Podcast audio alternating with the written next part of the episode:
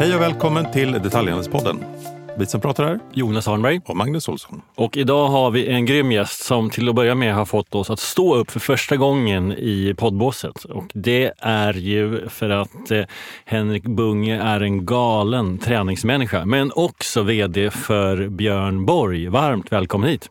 Tack, tack, tack. Jag är så glad att få vara här. Ja, men det ska bli så himla roligt det här. Vem är du och vad är Björn Borg? Ja, jag är eh, en kille på 49 jordsnurr som har tre barn och eh, tänkte efter min juristkarriär som var väldigt kort att jag var en dålig jurist och kom på att jag istället skulle omge mig med bra människor. Så det blev liksom min affärsidé. Så det har jag hållit på med sedan eh, 2001. Och väldigt mycket inom eh, sport och retail. Ja, i varje fall retail och varor som riktas till konsumenter. Så jag var ju på Radio Shack ett tag som sålde allt ifrån ja, glödlampor till mobiltelefoner. Och sen var jag på Hästens. Vi sålde ju eh, fantastiska sängar. Och sen på Adidas som sen också blev Adidas och Reebok och TaylorMade. Och så Peak Performance och nu Björn Borg. Så på sista liksom, svängen så mer och mer sport och mer och mer träning. Du har gått från att ligga ner på jobbet till att eh, röra dig. Mm, ja, så kan man säga. Och, eh, och hjälp oss med vad ni säljer, för jag tänker väldigt mycket kalsonger, men det är inte, liksom, sortimentet är större än så. Ja, exakt. Och det, eh, jag tänkte säga att det är ett problem att du tänker det, men det är det ju inte. Eh, så Björn Borg är ju ett fantastiskt varumärke och har funnits väldigt, väldigt länge. Ehm, resan eh, började ju liksom, eh, ja, egentligen på 80-talet eh, med en rad olika starka individer som tänkte att de skulle kunna kapitalisera på världens kanske främsta idrottsman, eh, i vart fall då världens bästa tennisspelare. Och en av dem drog igång eh, Björn Borg-kalsonger. Och någon annan sålde lite väskor och en tredje sålde lite skor. Eh, de levde liksom lite grann eh, olika liv, men eh, det som tog riktigt, riktigt fart, det var ju kalsongverksamheten som eh, några år senare blev marknadsledare i hela Norden. Eh, Och då superkända för färgglada, galna prints med en stor logga i waistbandet. Och det där gick ju alldeles fantastiskt tills det inte gick fantastiskt längre. När kalsonger blev en ja, men commodity. Alla kunde erbjuda likadana kalsonger. Modet var att det skulle vara enfärgat istället för mångfärgat. Priserna gick ner. Och i samma veva så började Björn Borg också då tappa både omsättning och lönsamhet. Och um, någon gång där så uh, kom jag in och fick samtalet om jag var intresserad av att ta Björn Borg till något nytt ställe. Och insåg ju direkt att här finns det något helt fantastiskt kul att göra. Tänk om vi kan förflytta det här starka nordiska eller nordeuropeiska kalsongvarumärket till att bli någonting mer och någonting större. Och då föddes idén om att bygga ett sport och modevarumärke istället. Men du, hur många är det som har koll på vem Björn Borg var? Det känns som att dagens kids, som jag tittar på mina barn hemma som är 15 och 17, de har ju noll koll på vem Björn Borg är. Det är ungefär som om någon skulle prata om Gunder Hägg när jag var liten. Liksom. Hur, hur, mycket varumärke och hur mycket person idag? Mm, ja, men det beror på eh, vilket land och hur gammal eh, och vem du frågar och hur man frågar där. Eh, så man kan säga att om vi pratar Norden Sverige, eh, i princip alla som är över 40, att de kommer eh, förknippa Björn Borg med tennisspelaren. Eh, och har också otroligt starka minnen. Flera liksom, kommer ihåg när man både lyssnade på radio och såg på tv Eh, när han eh, liksom vann den ena matchen efter den andra. Oftast efter att ha eh, legat under ganska mycket. Liksom. Så han var ju verkligen en, en episk idrottsman som aldrig gav upp. Eh, men ju yngre de blir, eh, ju mindre Björn Borg tennisspelaren är det och ju mer blir det någonting annat. Eh, och i ganska stor utsträckning har det varit kalsonger som vi varit väldigt, väldigt kända för. Och, och tanken igen är ju att eh, Tänk om vi kan liksom slå fram, så ihop det här starka arvet från den här individen, eh, den här starka kategorin med kalsonger, men att liksom flytta hela varumärket till någonting som kanske är ännu, ännu större, som kan tillåtas göra mer saker. Och då tänker jag att om man är ett sportmodeföretag, då kan man göra skor, kalsonger, väskor, kläder, allt möjligt annat. Och i tillägg till det kan man ha en stark mission, det vill säga att inspirera andra att stå upp istället för att sitta ner. Som vi har gjort eh, i dagens podd till exempel. Men att träning ska du inte göra för att bli elitidrottsman, du ska träna för att må bättre och leva längre. Och det är hela liksom idén och, och tanken med den här Björn Borg varumärkesförflyttningen som vi är Ja, någon skulle säga i slutet av och någon i mitten i och någon kanske i början. Men eh, den har vi hållit på med idogt sedan jag började slutet 2014. Och det har tagit en otrolig tid, men vi gör sakta framsteg hela tiden.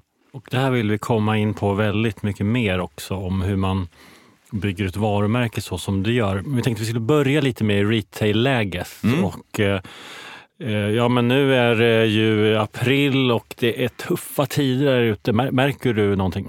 Alltså eh, mindre än vad jag både tror och kanske hade hoppats på, om jag ska vara lite ärlig.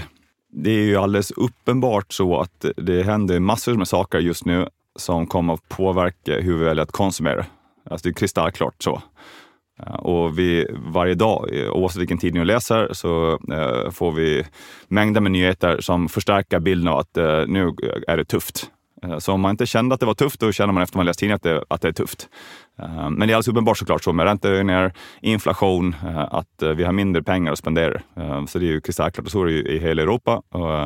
Det där tror väl de flesta kommer att påverka vår konsumtion och det tror också jag. Men däremot så ser vi inga indikationer på det överhuvudtaget. Du ser inte så att outletterna går grymt bra nu jämfört med finbutiken eller så? Nej, alltså eh, ingenting av det som jag trodde skulle ske om du hade frågat mig för sex månader sedan har hänt. Ja. Och det gör jag också, att liksom, om du snart kommer fråga mig vad tror du kommer hända om tre, fyra år så kommer jag inte säga någonting. För jag är helt säker på att det ena kommer att säga det kommer vara något annat. Det kommer att liksom vara fel och det här kan säkert någon spela in. Liksom, och det här finns väl kvar i all evinnerlighet. Så man ska ha aktier för att... Du kommer ju faktiskt få den frågan sen på slutet. Ja, du kan ju redan nu börja formulera ja. i huvudet. Ja, jag ska få, få, det, är otroligt svårt att liksom prognostisera framtiden. Uh, men, uh, men rationellt så är min bedömning att det kommer bli tuffare framåt. Tittar jag på hur det går för oss just nu, både våra egna butiker, eh, vår egen e-handel och också liksom produkterna i form av vad de säljer genom hos våra partners, så ser vi hela tiden liksom starka tillväxttal. Ehm, och kollar lite längre tillbaka så de sista, jag tror det är sju av våra åtta sista kvartal så har vi slått försäljningsrekord. Ehm, så vi ökar ju liksom, ehm, och man kan ju hävda att men, 2021 uh, eh, var väl inte så svårt för det var ju efter ett covid-år. Ja, absolut, men vi fortsätter. Liksom. Så 2022 så slog vi omsättningsrekord igen, har aldrig omsatt mer. Och vi ser också att, liksom, att den trenden fortsätter, vilket är väldigt, väldigt förvånande. Men det är väl också för att ni är grymma uppenbarligen? Jag kan tänka mig att marknaden som helhet har ju ändå drivs ju mot mer lågpris och lite mer försiktiga konsumenter och så.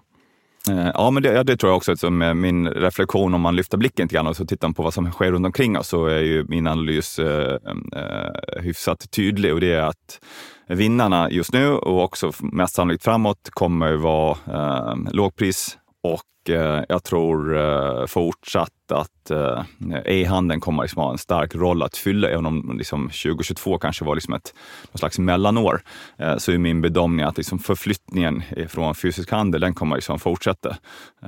Även om såklart det vi såg 2020 var ju helt unikt såklart givet att liksom, dörrarna stängdes ju helt så det fanns liksom inga alternativ. Eh, så att det skulle ske någon återgång, det var väl hyfsat väntat. Men, men, låt oss djupa i det här, för det här är ju spännande, för ni är ju överallt och har varit med så pass länge också. Och, och, och om jag formulerar det så här, hur ser kanalstrategin ut? Alltså, ni finns ju i egna butiker. Ni finns hos återförsäljare. Ni har er egen e-handel. Ni finns på Zalando. Eh, Berätta, liksom, vilka olika, var finns, vart köper man era produkter? Var finns det inte kanske snabbare? Ja, men nästan så är det så att eh, som affär eh, så har vi valt, eh, och av det, egentligen av historiska skäl, så ingenting som jag kanske hade valt att skapa om jag gjorde allting från början, att egentligen verka liksom i alla olika kanaler. Så från att vi väljer att licensiera ut varumärket till en kille som är fantastisk, som driver ett bolag som heter Framework, så han gör ju Björn Borg-glasögon åt oss. Så det är en affärsmodell. Till att vi har distributörer så i en värld där det inte finns några geografiska gränser har vi ändå sagt till en engelsman att men du får köra i England. Och sen har vi ju en stark liksom, wholesale-ben där vi säljer till med Stadium och XXL. Och där är det klart en blandning mellan fysiska butiker, mellan hybrider som har både och, nästan alla, och, eller mellan liksom, rena e-handlare. Och sen har vi egna butiker och där har vi fullprisbutiker och egna outlets. Och så har vi egen e-handel. Eh, och såklart i tillägg till det marknadsplatser som någon slags hybrid, alltså man driftar i princip som en egen e- e-handel fast det tillhör liksom en wholesale-kund. Och vi gör allt det där. Uh, och det är ju spännande och väldigt eh, komplicerat, men det det gör är att man, vi får en otroligt liksom, god inblick i såklart i vilka kanaler som funkar. I den mån liksom, vi speglar liksom, marknaden och så är det ju inte alltid klart, givet att vi inte är jättestor. Men uh, det finns mycket att lära i alla fall. Men hur differentierar ni sortimentet mellan kanalerna? Eller säljer ni allt överallt också? Eh, nej, det sker ju massvis med differentieringar. Och, och, det handlar ju dels såklart om vad man tror att konsumenten letar efter. Så klart, om du går in i en sportbutik, ja, då vill du ha sportprodukter. Går du in i en modebutik, ja, då letar du en annan typ av produkter. Så vi har delat in hela klädkollektionen i sport och mode. Eh, och då tänker vi, liksom, vad är den mest sannolika aktiviteten som en konsument kan tänka sig att göra med det här? Sen vet vi att eh, det sker ju också otroliga glidningar. Alltså, tjejer har på sig tights på middagen och killar har på sig vår bästsäljande Borg-tisha när de liksom går på fest. Eh, så konsumenten väljer ju vad de vill i varje fall. Men vi tror att det är viktigt att liksom försöka liksom segmentera in produkterna så att man har ett unikt sortiment som passar vad vi tror konsumenten letar efter i olika sammanhang. Det tror vi är viktigt. Ehm, och i tillägg till det så tror vi är viktigt att framförallt när det gäller e-handlare, att inte ha för många eh, och att vara ganska liksom selektiv med vilka produkter man säljer in så att det inte bara blir en fråga om pris och produkt. Det måste vara någonting annat också. Men hur differentierar ni till exempel mellan prispunkter med i, nu vet inte jag exakt vad ni har för spread i kalsongsegmenten, men vi tar det som, som exempel. Eh, prispunkter mellan insteg och, och någon form av premium kontra hur ni paketerar med olika storlekar och så vidare i de olika kanalerna. För det påverkar ju också prisbilden eller prisimagen. Ja, men så är det såklart. Så man kan ju säga att eh, hela liksom, kalsongaffären drivs ju av multipack. Mm. Eh, så vi män, vi köper gärna samma kalsong en gång till. Eh, helst liksom samma färg till och med. Och om vi kunde få exakt samma kalsong på samma ställe, om, om vi får. Eh, sen är den ganska stort driven också av, av gifting, så det är ganska många eh, det kan vara döttrar, eller liksom mammor, eller fruar eller flickvänner som köper kalsonger till sina män. Så det är en ganska liksom, en speciell liksom, produktgrupp. Men, men det vi säger är att den som driver kalsongmarknaden är framförallt multipack. Man köper väldigt, väldigt sällan ett enpack. Och gör man det, då är det i princip uteslutande i form av att man ska ge bort en present eller att du har helt enkelt glömt bort dem. Du står på Arlanda och ska till liksom, på affärsresa så du glömde kalsongerna helt enkelt. Uh, men annars är det multipack som driver hela marknaden och då är det framförallt trepack som eh, dominerar, som eh, jag skulle gissa står kanske för 60-70 procent av hela kalsongmarknaden. Um, och där i sin tur så finns det klart olika produkter. Allt ifrån hur hållbara de är till hur tjock kvaliteten är till vilket material det är som påverkar prisbilden. Um, och, och, klart, där handlar det om att ha en prisbild såklart som ja, men är i relation till konkurrenten så man kan fortsätta upprätthålla liksom en, en, en bra position men samtidigt sälja stora volymer. Um, men de priserna är liksom hyfsat lika uh, om vi kollar både konkurrenterna och också våra kanaler. Liksom. Men det är en instegsprodukt till varumärket, för någonstans så är det ju, du var inne på det själv, att kalsonger är någonstans ja, men det är en commodity. Sen mm. sätter ni en schysst förpackning omkring det. Men, men någonstans så har vi ändå en prisidé om vad jag är beredd att betala för ett, ett par kalsonger. Finns det någon tanke där att, att ha det som, som ingång till det övriga sortimentet? Nej, det, det finns det inte, utan egentligen snarare tvärtom. Så om, om man tänker sig en instegsprodukt, det blir ju en instegsprodukt om den i relation till liknande produkter på något sätt är billigare kanske, eller, att, eller ett upplevt större värde kanske. Eh, och där, eh, givet att vi har så otroligt stark position eh, som, eh, eh som, som kalsongleverantör. Och det är det såklart för att vi har världens absolut bästa kalsonger. Så om ni testar dem någon gång så kommer ni tänka att det här är helt otroligt. Det är som att komma till himlen, jag ska aldrig byta igen. Är det känslan när man... Ja, det är känslan. Ja, det, det är fantastiskt. Det är en euforisk känsla faktiskt. Liksom. Eh, men, men om vi lämnar det för en stund då, så är ju tanken inte att man ska liksom, tänka att kalsongerna blir på något sätt liksom insteget in till varumärket, utan snarare tvärtom. Vi vill att man ska köpa en, en, en, en sportprodukt liksom, primärt. Uh, och sen är det klart, om man står där på butiksgolvet och ska handla någonting annat, då kan man också handla kalsonger. För det är sällan man går till en butik för att just handla kalsonger. Eh, men vi tänker oss inte att det ska liksom vara insteget in i varumärket, utan eh, vi behöver upprätthålla den där positionen och där är vi också ganska dyra. Så om du skulle göra någon slags prisjämförelse, då eh, kommer du ganska snabbt komma fram till att vi som kalsongvarumärke, ja, där har vi en premiumposition där vi är prissatta tillsammans med som globala lyxvarumärken. Men om du kollar vår klädkollektion, ja, då kommer du att se att vänta, här är vi faktiskt mycket mer kommersiellt prissatta. Um, så till exempel har vi en, en återvunnen liksom, tränings-t-shirt som vi kallar för Borg T. Den kostar 299 kronor. Uh, det är betydligt billigare än vad motsvarande kalsong liksom, kostar jämfört med vad andra t-shirts och andra kalsonger kostar. Mm. Finns det någon annan produkt som har liksom en, en, ett uppdrag att vara symbol för varumärket? Eller är det, är det, är det gränsöverskridande? Nej, men det, för oss är det, är det gränsöverskridande, men mm. däremot tror vi att det är viktigt att hitta några symbolprodukter. Mm. Som uh, vi tänker att de här ska liksom bygga och lyfta hela varumärket.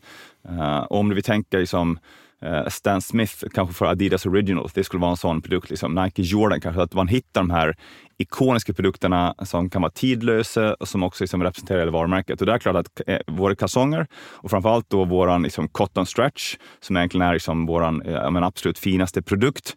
Eh, den är såklart en sån eh, produkt. Eh, och sen eh, sakta så börjar vi etablera nya produkter i sport och mode också för att kunna lyfta det där. Och då har vi en t-shirt som jag nämnde som heter Borg T. Eh, om ni skulle gå till en paddelhall idag eller vilket gym som helst, då kommer ni se någon ha en sån tisha Och den är ju fantastisk för den syns väldigt bra för det står Borg på armen. Um, och sen är ni återvunnen polyester så den är också ett bra hållbart alternativ och det är en bra prispunkt och otroligt bra passform. Uh, men klart, vi vill ha det fler sådana produkter så att man ser någon borrprodukt på liksom 200 meter så kan man bara, det där, måste man, det, där, det där vill jag också ha. Liksom. Och det är ju klart nedkyld med kalsonger de syns inte lika mycket som de gjorde för kanske tio år sedan när vi hade väldigt mycket lågt skurna jeans till exempel.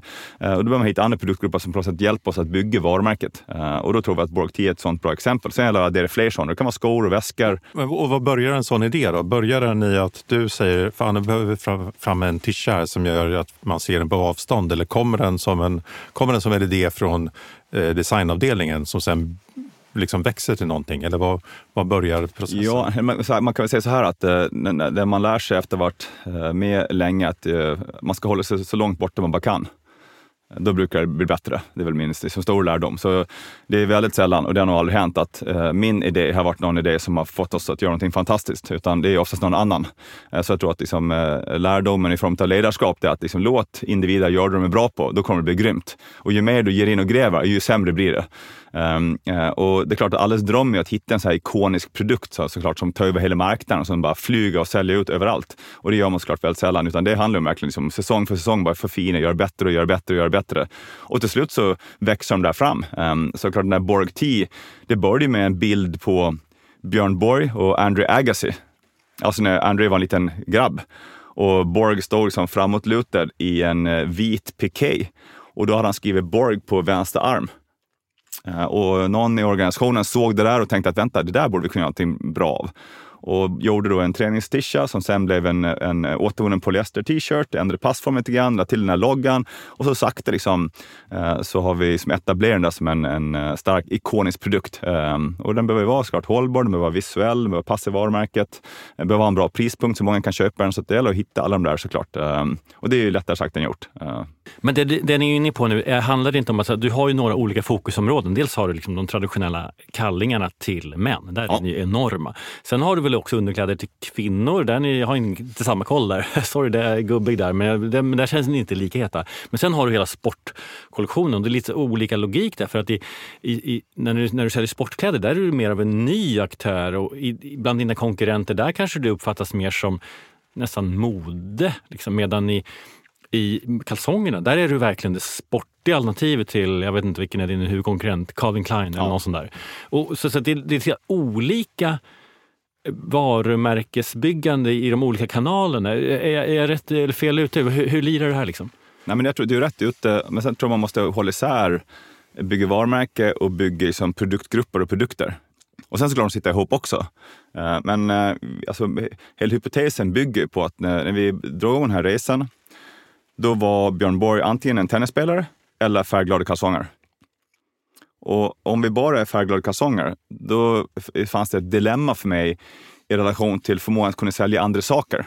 Alltså om, om Volvo gör ett par liksom, skidpjäxor så finns det ett motstånd för mig att köpa de där skidpjäxorna. För det känns inte som att Volvo ska göra skidpjäxor bara. Eh, Medan det finns ju eh, produktgrupper som skulle kunna addera bilbarstonar kanske, kanske flytvästar, kanske, och, och någon gång kanske det tar stopp. Ehm, och det jag såg var tillsammans med teamet att eh, kalsonger på något sätt avgränsar oss, ger oss få en möjlighet att, att kunna göra någonting mycket, mycket större. Så vi tänker oss att vi har en rad olika kategorier, men vår kommunikation och allting vi gör, både internt och externt, ska bygga en sportmodeposition. Och sen såklart att våra kategorier under den varumärket, ja, de kommer ha lite olika roller och där har vi olika positioner eh, i form av hur välkända vi är, om vi är marknadsledare eller om vi inte ens är med på liksom, topp 10-listan. Eh, så att det handlar mer om hur vi hanterar produktgrupperna i relation till den här förflyttningen. Eh, och sen såklart den stora utmaningen är ju, går du att bibehålla ett marknadsledarskap i en produktgrupp samtidigt som du väljer att förflytta varumärket? Och det har vi visat att det går. Även om det är svårt. Men som när, när jag började då introducera dig, du hade hellre sagt att du är vd på ett sportvarumärkesföretag. Det är jag som har liksom en gammal vision, liksom bild av Björn Borg. Då. Som, säger, som presenterar dig som eh, liksom vd på ett... Ja, nej, men jag tror att det, det som, din bild av Björn Borg, det är ju vad din bild är. Uh, och, och, Även om det var fel och, ja. Exakt, det är väldigt klokt sagt. Uh, även om alla fattat, ja så måste det såklart vara. Men, uh, och men det jag menar är att min, min utmaning är ju liksom precis liksom det som hela din ingress handlar om. Att det, ju längre tid du bygger in någonting, ju svårare klart det blir att ändra din uppfattning. och det gör ju den här resan extra utmanande men också extra rolig. Så att eh, eh, ju starkare man är som kopplad till någonting, i det här fallet en produktgrupp som kalsonger, ja, klart, ju mer utmanande blir det att få det att tänka på som någonting annat. Eh, och till viss del så finns det nog ingen poäng att ens försöka få det att ändra bild, för det kommer att kosta för mycket helt enkelt. Och då behöver man istället börja prata med någon annan som inte har relationen till tennisspelaren eller till de här kalsongerna. Eh, och där har vi ju tur, för att vi blir äldre och äldre och i den bemärkelsen så kommer ju alla målgrupper till slut liksom bara försvinna ut. Liksom. Eh, men man, samtidigt måste man ju hantera den här gamla målgruppen. Så klart, vi vill ju att du ska fortsätta älska oss för den vi var när du började älska oss. Och samtidigt vill vi såklart fylla på med nya konsumenter som då tittar på oss med lite ett annat perspektiv. Och trixet såklart är, men hur gör den här övningen där? Utan att tappa de här äldre som varit med oss från början eller inte få de här nya. Uh, och det är ju den här resan som vi har påbörjat och som tar såklart otroligt mycket tid. Uh, men som handlar om att bygga liksom en ny, ny position utan att tappa liksom relevans i kategorierna. Men då har jag en fråga till dig, för det du beskriver nu är någonting som är väldigt intressant och det är varumärkets arena. Var är varumärket relevant och var mm. går gränsen för det? och det är ju väldigt få som har lyckats med det över tid. Och jag tycker också spännande att ni uppenbarligen lyckas i en massa olika kanaler också. Mm. Eh, och då är min fråga till dig, vad, kan du säga någonting om vad du tror att varumärkets gränser går? För någonstans så, ja men en, en mjölk som heter Björn Borg, ja det är tveksamt. Eh, när Jonas blir så gammal att han ska ha en rollator, då kanske han vill ha en rollator som heter Björn Borg, eller inte. Eh, du var inne på att målgruppen är, eh, åldras. Men vad, vad, liksom, vad går gräns höger och gräns vänster? Är det sportens värld? Är er arena. Men finns det några, finns det några, finns det några sporter som tror, det inte kan vara? Ja, men det finns det ju. Och där man ska vara lite försiktig såklart. För det, klart, det hänger ju också på alltså varumärkets utveckling. Mm. Så klart, det som skulle kunna vara rätt om kanske tio år sedan, det kanske är helt fel nu. Mm. Uh, och det som är rätt nu kan eventuellt vara fel om några år. Så det, det händer saker hela tiden. Så jag tror att dels behöver man vara ganska agil och liksom följsam och lyssna på vad konsumenterna vill ha och vad de tycker är relevant. För att klart, om de tycker att någonting är bra, ja, men då, klart, då ska vi göra det av den anledningen, om vi själva kanske tycker att det här är någonting vi kanske inte borde göra. Så man behöver vara ganska följsam och, liksom, och lyssna på den datan som finns. Men om vi kollar på det vi gör just nu, då har vi sagt att vi måste ha ett ganska tydligt fokus för att orka förflytta varumärket. Och då har vi sagt att vi vill bygga ett sportvarumärke med ett modeuttryck. Och, och, och det betyder ju att alla produkter vi gör, att de ska funka liksom i ett sportsammanhang. Men vårt sätt att särskilja oss från alla andra aktörer på sportmarknaden, det är genom uttrycket och genom vårt löfte till konsumenten. Och det är att våra produkter är inte till för dig som ska springa Stockholm Mara på 2.32. Utan den är till för dig som drömmer om att kanske springa Stockholm morgon men förmodligen bara springa halvmaran i Göteborg. Så vi vill ju hjälpa de som kanske inte har kommit igång med träningen att börja träna. För vi tror att det saknas ju en aktör på marknaden och det är någon som inspirerar alla att du faktiskt kan bli en lite bättre version om du ger dig själv en gåva varje dag som är att stå upp istället för att sitta ner, gå i trappan istället för att ta hissen. Kör ett pass, oavsett hur långt det är, det är bättre än inget pass. Stå upp när du poddar. Exakt, ja. Alltså små, små saker liksom. Och kanske inte prata så mycket funktion. Vi tror inte att det behövs ett par till kompressionstights. Uh, det, är någon annans marknad. Liksom. Så att, uh, det är där vi är just nu. Men med det sagt, så det kan säkert ändras i takt med att liksom, varumärkets utveckling blir större och större. Men just nu är det liksom, starkt liksom, fokus på, på sport. Våra kategorier är liksom, skor, underkläder, väskor sportkläder, både liksom för att träna men också att ta det till och från gymmet. Det är liksom fokuset just nu. Um, och sen såklart, allt det där kan ändras liksom, i takt med att varumärket blir större och starkare och att konsumenterna vill köpa fler produkter eller produktgrupper av oss. Får jag ta eh, ett annat perspektiv också? Det här är galet intressant. Eh, ett annat perspektiv är om vi också adderar prisstrategin på det. Och ni lyckas ju att både finnas med till exempel som du sa 12-pack på Zalando eller 3-pack på Stadium Outlet. Jag var på GKs i somras och ni hade en hel hylla där. Grym. Men ni är också i ett premiumsegment. Alltså hur... hur för, för, så du är uppenbarligen inte bara någon som man hittar på outlets, eh, utan det är också premium. Eh, hur hänger det ihop? Eh, ja, men dels så, så eh, tror jag man bör liksom påminna sig själv att det, det, där, liksom, där konsumenten väljer själv att vara, det, där kommer man vilja, liksom, vilja handla. och så behöver man ju liksom fundera på men vad, liksom, vad är de stora flödena någonstans då och vem vill man nå ut till? Um, och jag, vår bedömning är att det går att finnas en rad olika distributionspunkter. Um, Även sådana som har liksom olika löften, om något är värde för pengarna och något har något annat löfte så, så kan det funka. Um, på villkor att du väljer att liksom avgränsa dem i relation till varandra. Så med det menar jag liksom, eh, fysisk eh, handel, eh, den avgörs ju när du står där framför butikshyllan. Alltså när du går in på NK så vill du ju antingen titta eller handla. Om du vill handla så vill du köpa någonting som är på NK, annars skulle du inte gå dit helt enkelt.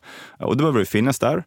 Och pratar vi då kalsonger så vet vi att liksom, där väljer man utifrån vad man ser där. Alltså butiksögonblicket har en otrolig story som påverkan på vilket beslut du tar.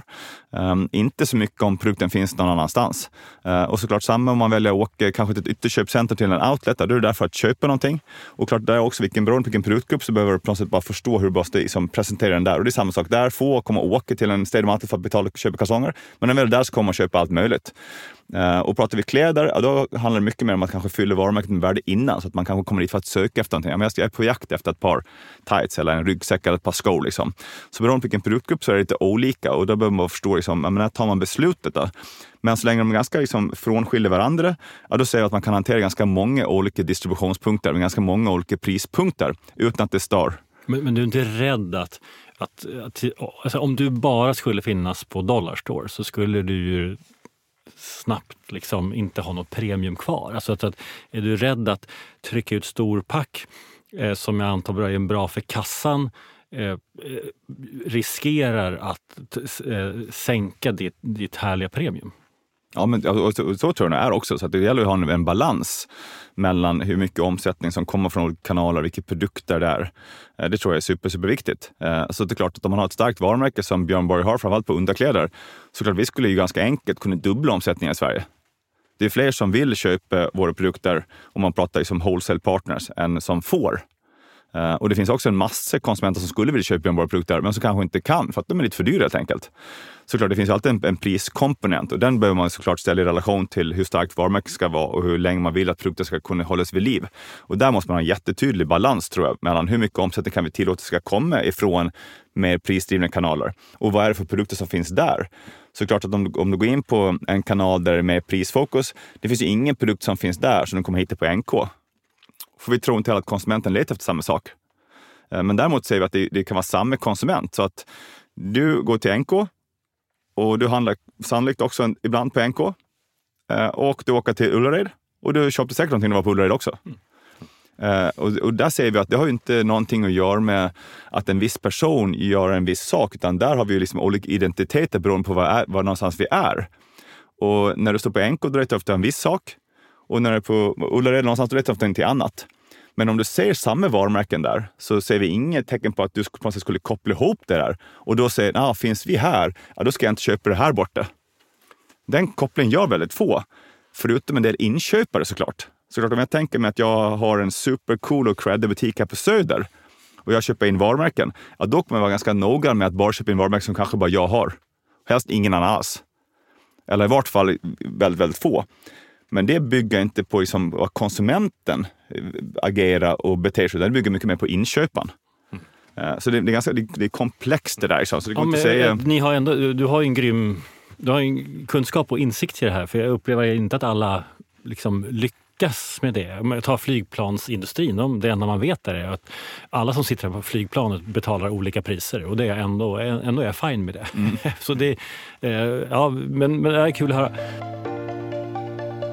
Henrik, ni är ett bolag som är väldigt mån om ert varumärke och ni är också ett varumärke som säljer direkt till eh, konsument. Mm. Eh, till, viss, till stor del. Och eh, det har de senaste åren varit synonymt med att man har avvecklat återförsäljare, men gått mot egen e-handel och helst även ett antal egna butiker som ett sätt att kontrollera sitt varumärkesuttryck. ni har valt att stänga butiker. Mm. Varför då? Ja, de är inte lönsamma. Du tänkte så? Mm. Ja. Hur många hade ni? För, det, för jag menar, för några år sedan hade ni 50 butiker. Eh, ja, men, eh, Björn Borg eh, har ju gått ifrån närmare 100 butiker. Nu pratar vi ganska långt bak i tiden. Eh, och det där eh, är ju som med allt annat så går det ju trender. Eh, på Adidas-tiden, när jag var där, då var det ju liksom konceptbutiker skulle alla ha. Och alla öppnade upp konceptbutiker överallt. Och hur man än vred och vände på det här så var det i princip ingen som lyckades få någon lönsamhet i de där konceptbutikerna. Adidas på Sveavägen, Kungsgatan? Ja, en, en sån. Jag känner ingen mer. Ja, nu vet jag inte, men, men då gjorde den garanterat inte det. Um, Men oavsett så skulle man ha massa butiker, så var det var ganska trendigt. Och Björn Borg eh, var också ett av de varumärken som hade väldigt mycket butiker. Och när jag kom in på eh, Björn Borg så det är klart att ehm, eh, det yttersta beviset på att du har ett starkt varumärke är ju såklart liksom individens vilja att betala någonting för varumärket.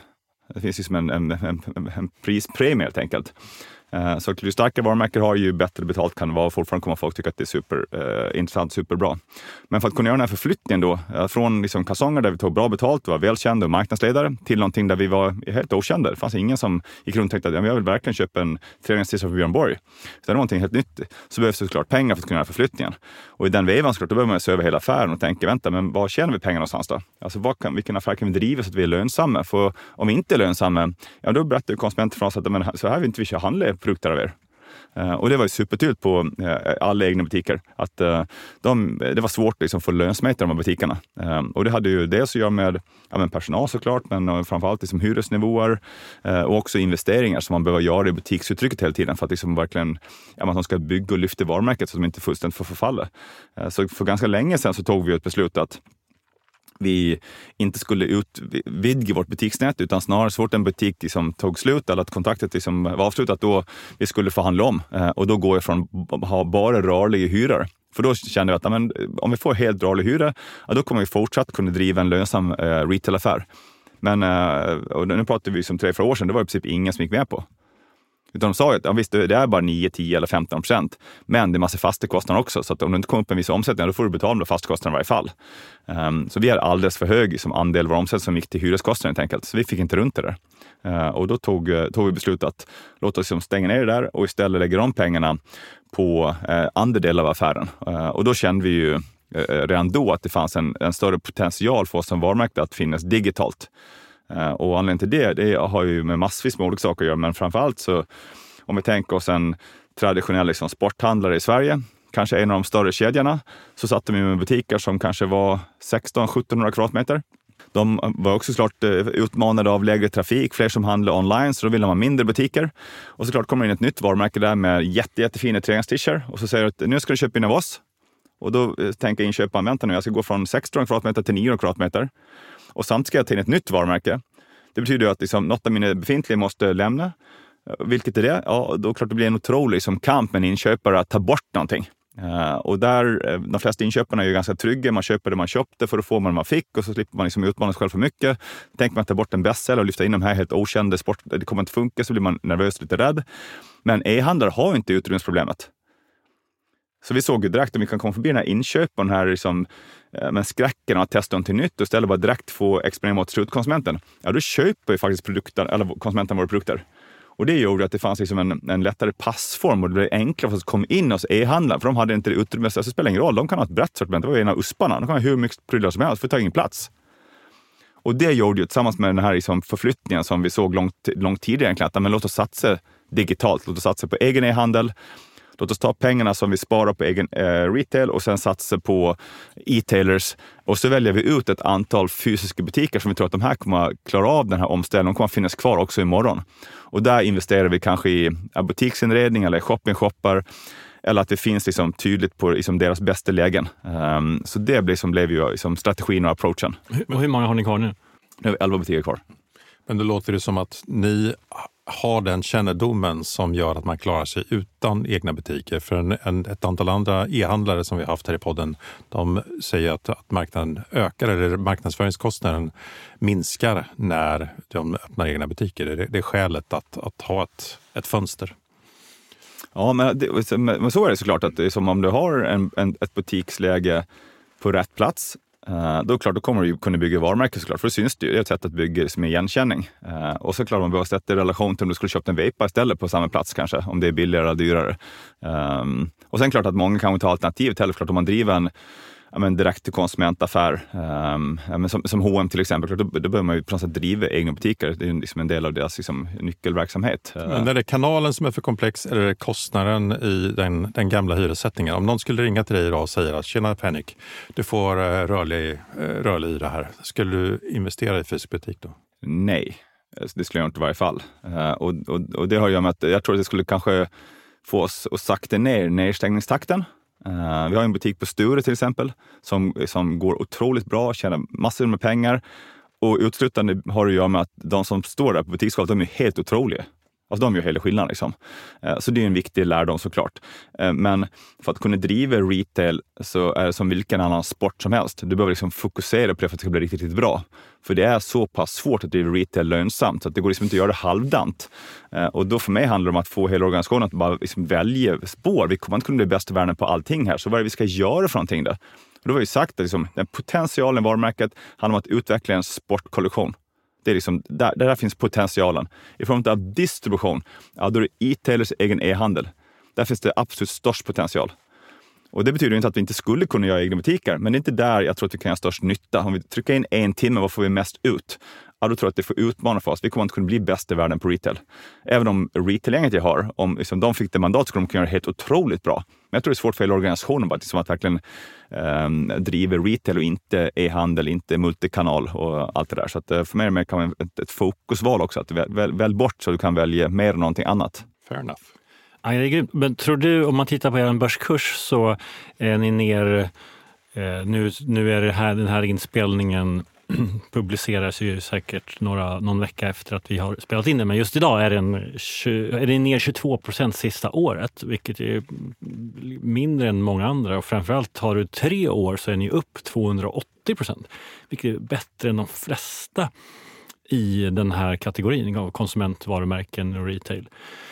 Varför har ni blivit så väl belönade? Är det för att ni stänger? Eh, sättet att bli, komma, få en bra börskurs i retail, är det att stänga butiker? Nej, det, det vet jag inte om det är, men jag tror att sättet att skapa eh, aktieägarvärde tror jag att över tiden ha en, en hållbar affär som adderar liksom lönsam tillväxt. Och där ser vi klart ett tydligt liksom trendskifte, i varje fall sista kanske ett och ett halvt åren, där lönsamhets målen och din förmåga att tjäna pengar är väldigt mycket viktigare än kanske bara driva omsättning. Eh, och det är klart, där har vi ju visat, eh, vår sista affärsplan som var från 2019 som vi stängde här 2022, ja, då ökar ju våran ebit med nästan 13 procent liksom, i genomsnitt varje år.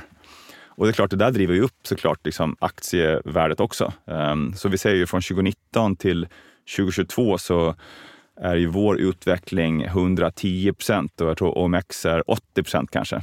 Eh, så vi har haft en jätte, jättefin utveckling, men mycket tror jag har med att investerarnas liksom, eh, bild har ändrats på hur man värderar bolag. Så från att liksom växa så fort det bara går till att vänta, de kanske ska tjäna pengar också. Ehm, och det är klart, det är ju en följd av såklart, liksom, pengar är inte längre gratis eh, och det är svårt med finansiering och allt det där. Liksom. Så att, men på det temat, de här, du har ju en annan konkurrent inom ja, D2C-bolag inom sport, kanske influencerdrivet eller någon kändis som har startat något och så där, som ju har haft enorm tillväxt. Mm. Vad, vad händer där nu? Ja, alltså, eh, dels tycker jag att det är liksom fantastiskt hur många alltså drivna eh, entreprenörer vi just har i Sverige. För om jag kollar på liksom, de här D2C-varumärkena så är det ju framförallt Sverige, eh, lite grann i Tyskland, eh, som egentligen uteslutande driver hela den här marknaden i Europa. Det är helt otroligt. Så vi har liksom en grogrund liksom för um, unga individer att verkligen våga och kasta ut stupen och sen skapa helt otroliga liksom, varumärken. Uh, alltså Axel Aragato, vi har liksom, ja, Stronger, alltså Daniel Wellington, det finns hur många som helst. Um, och klart, alla de där kommer liksom gå i olika cykler. Uh, de kommer gå upp och sen kommer de gå ner. Um, och jag tror deras största utmaning kommer vara att de flesta väljer liksom bygga en affär på bara ett ben. Och det gör ju att när det här benet liksom blir utmanat, ja, då kommer de famla efter ett nytt ben och det benet kommer kanske vara lite kortare och då blir de halt ett tag. Och sen kommer någon kanske försvinna, någon kanske blir uppköpt, eh, men några av de där kommer alldeles säkert att fortsätta och också bli stora globala aktörer. Um, så att för, för mig så tror jag att alla varumärken som fortsätter att driva träning och hälsa, må bra och röra på det, tror jag är jätte, jättebra för oss som varumärke. Jag tror att liksom mitt eh, egen personlig mission handlar mycket mer om att liksom ta pengar ifrån eh, de som spelar dataspel och de som köper all den här snusen som alla köper just nu och istället investera i träning och i välmående. Liksom, då tror jag att man kommer att göra mycket, mycket större skillnad. Men eh, det snabba svaret på vad som kommer att hända de här D2C-varumärkena är att jag tror att de kommer få ett, ett väldigt, väldigt utmanande 2023. Det tror jag. Henrik, vi har pratat mycket om att bygga varumärken och uppenbarligen så har ni en väldigt bra koll på vem ni är och eh, att bygga distribution. Men någonting vi inte pratar om så mycket är ju kommunikation. För att med sociala medier och med hela den digitala affären så har det varit extremt lätt att nå ut med sitt budskap, men, men svårt att nå in.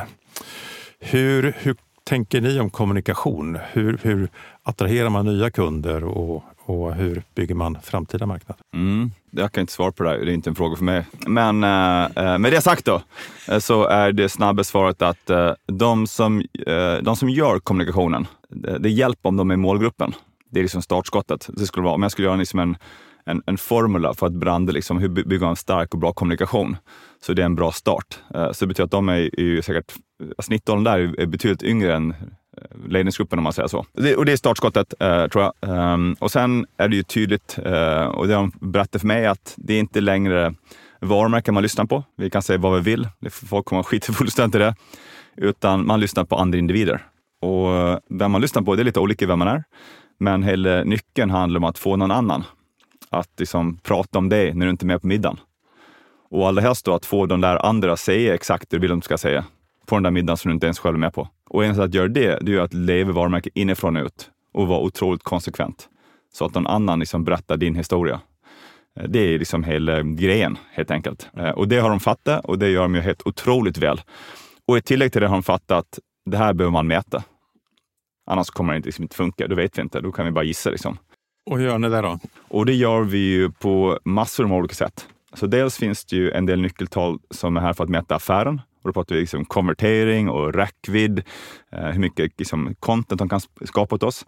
Eh, men framförallt så mäter vi ju varje vecka, så frågar vi ju nästan 400 konsumenter i alla våra marknader ett antal hundra frågor kring hur de ser på oss, om de känner till oss, om de skulle välja oss, om de har valt oss, vad de associeras med oss massor med olika frågor. Eh, och där har vi ju som Fredrik på Extreme som hjälper oss. Och det hade ju aldrig gått utan någon som verkligen förstår hur man kan ställa frågorna till slutkonsumenterna så man sen kan provtrycka mot det man gör. Så man kan säga att vänta, om vi gör det här, vad händer då?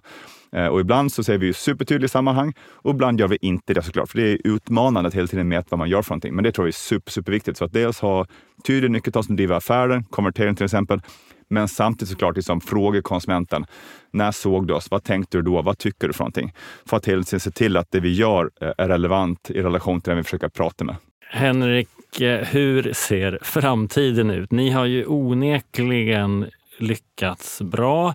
Och det har ni gjort genom att vara väldigt liksom, flexibla. Ni har stängt en väldig massa butiker. Jag upplever att ni har varit ganska modiga och började stänga i, tidigare än många andra. I alla fall i, ganska, liksom, i den massa som du har stängt. Ni har också satsat online med er egen e-com men också stora på Zalando. Och så, så här, din affär har ju förändrats ganska mycket om du bara blickar tillbaka fem år. typ. Och om eh, du tittar fem år framåt istället, vad har hänt då? Att det kommer att ha skett massvis med förändringar, det är jag helt övertygad om. Men, ehm... Men vi, vi, vi börjar att hjälpa dig på traven. Vår, vår tes om framtiden är ju att vi, om vi börjar titta på nätet, eller vi kan titta på hela handeln, färre och större aktörer. För i den här omställningen till lönsamhet nu så, så är det uppenbart att, eh, eh, som någon annan sa, det blir väldigt tydligt vem som har badat naken när tidvattnet försvinner. Mm. Och det är många som inte har affärsmodeller som fungerar. Mm. Så marknaden kommer koncentreras till färre och större.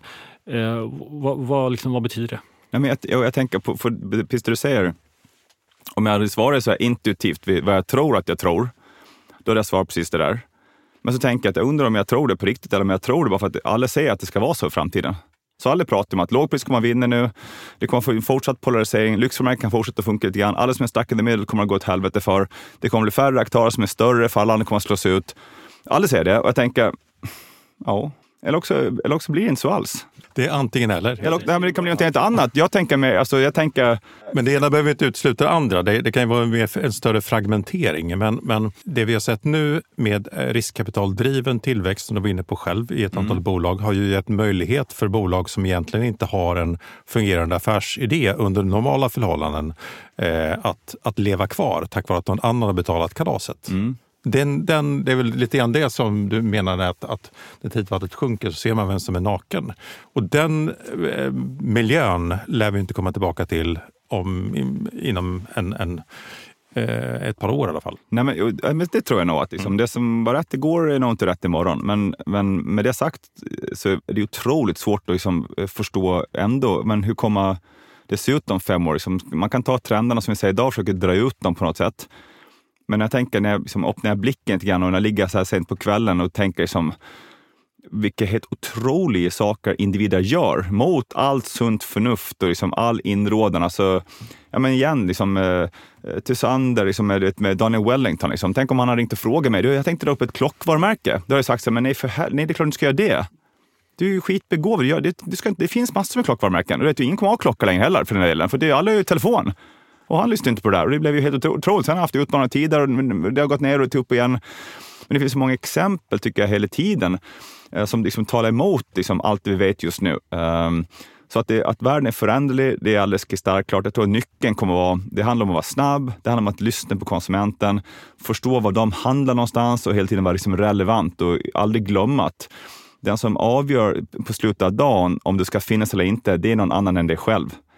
Och se till att du vet vem det är och våga ha en dialog med den individen. Ja, då kommer det funka här. Och sen hur finansieringen kommer att se ut för att kunna göra det här, vad man kommer att handla. Jag vet inte, men skulle jag gissa, ja men förmodligen kan man säkert dra ut kurvan som den ser ut idag. Det vill säga liksom färre aktörer, eh, fortsatt ökad online business, eh, säkert växande liksom outlet, liksom, eh, affär. Ja, det, det, tror jag väl. Liksom. Lite nya varumärken, kanske några gamla som har försvunnit. Eh, men, eh, men det kan också se helt annorlunda ut. Och när du pratar online då, eh, hur tänker du på egen e-handel kontra marknadsplatser? Eh, för där ser vi till exempel tack vare Extreme och deras eh, tracking vad gäller just marknadsplatser att eh, var fjärde kvinna är inne på Zalando under sin köpresa när det gäller mode. ungefär 10 procent gör avslut, vilket vi också fick vidimerat ungefär av Joanna Hummel som var här för några avsnitt sedan.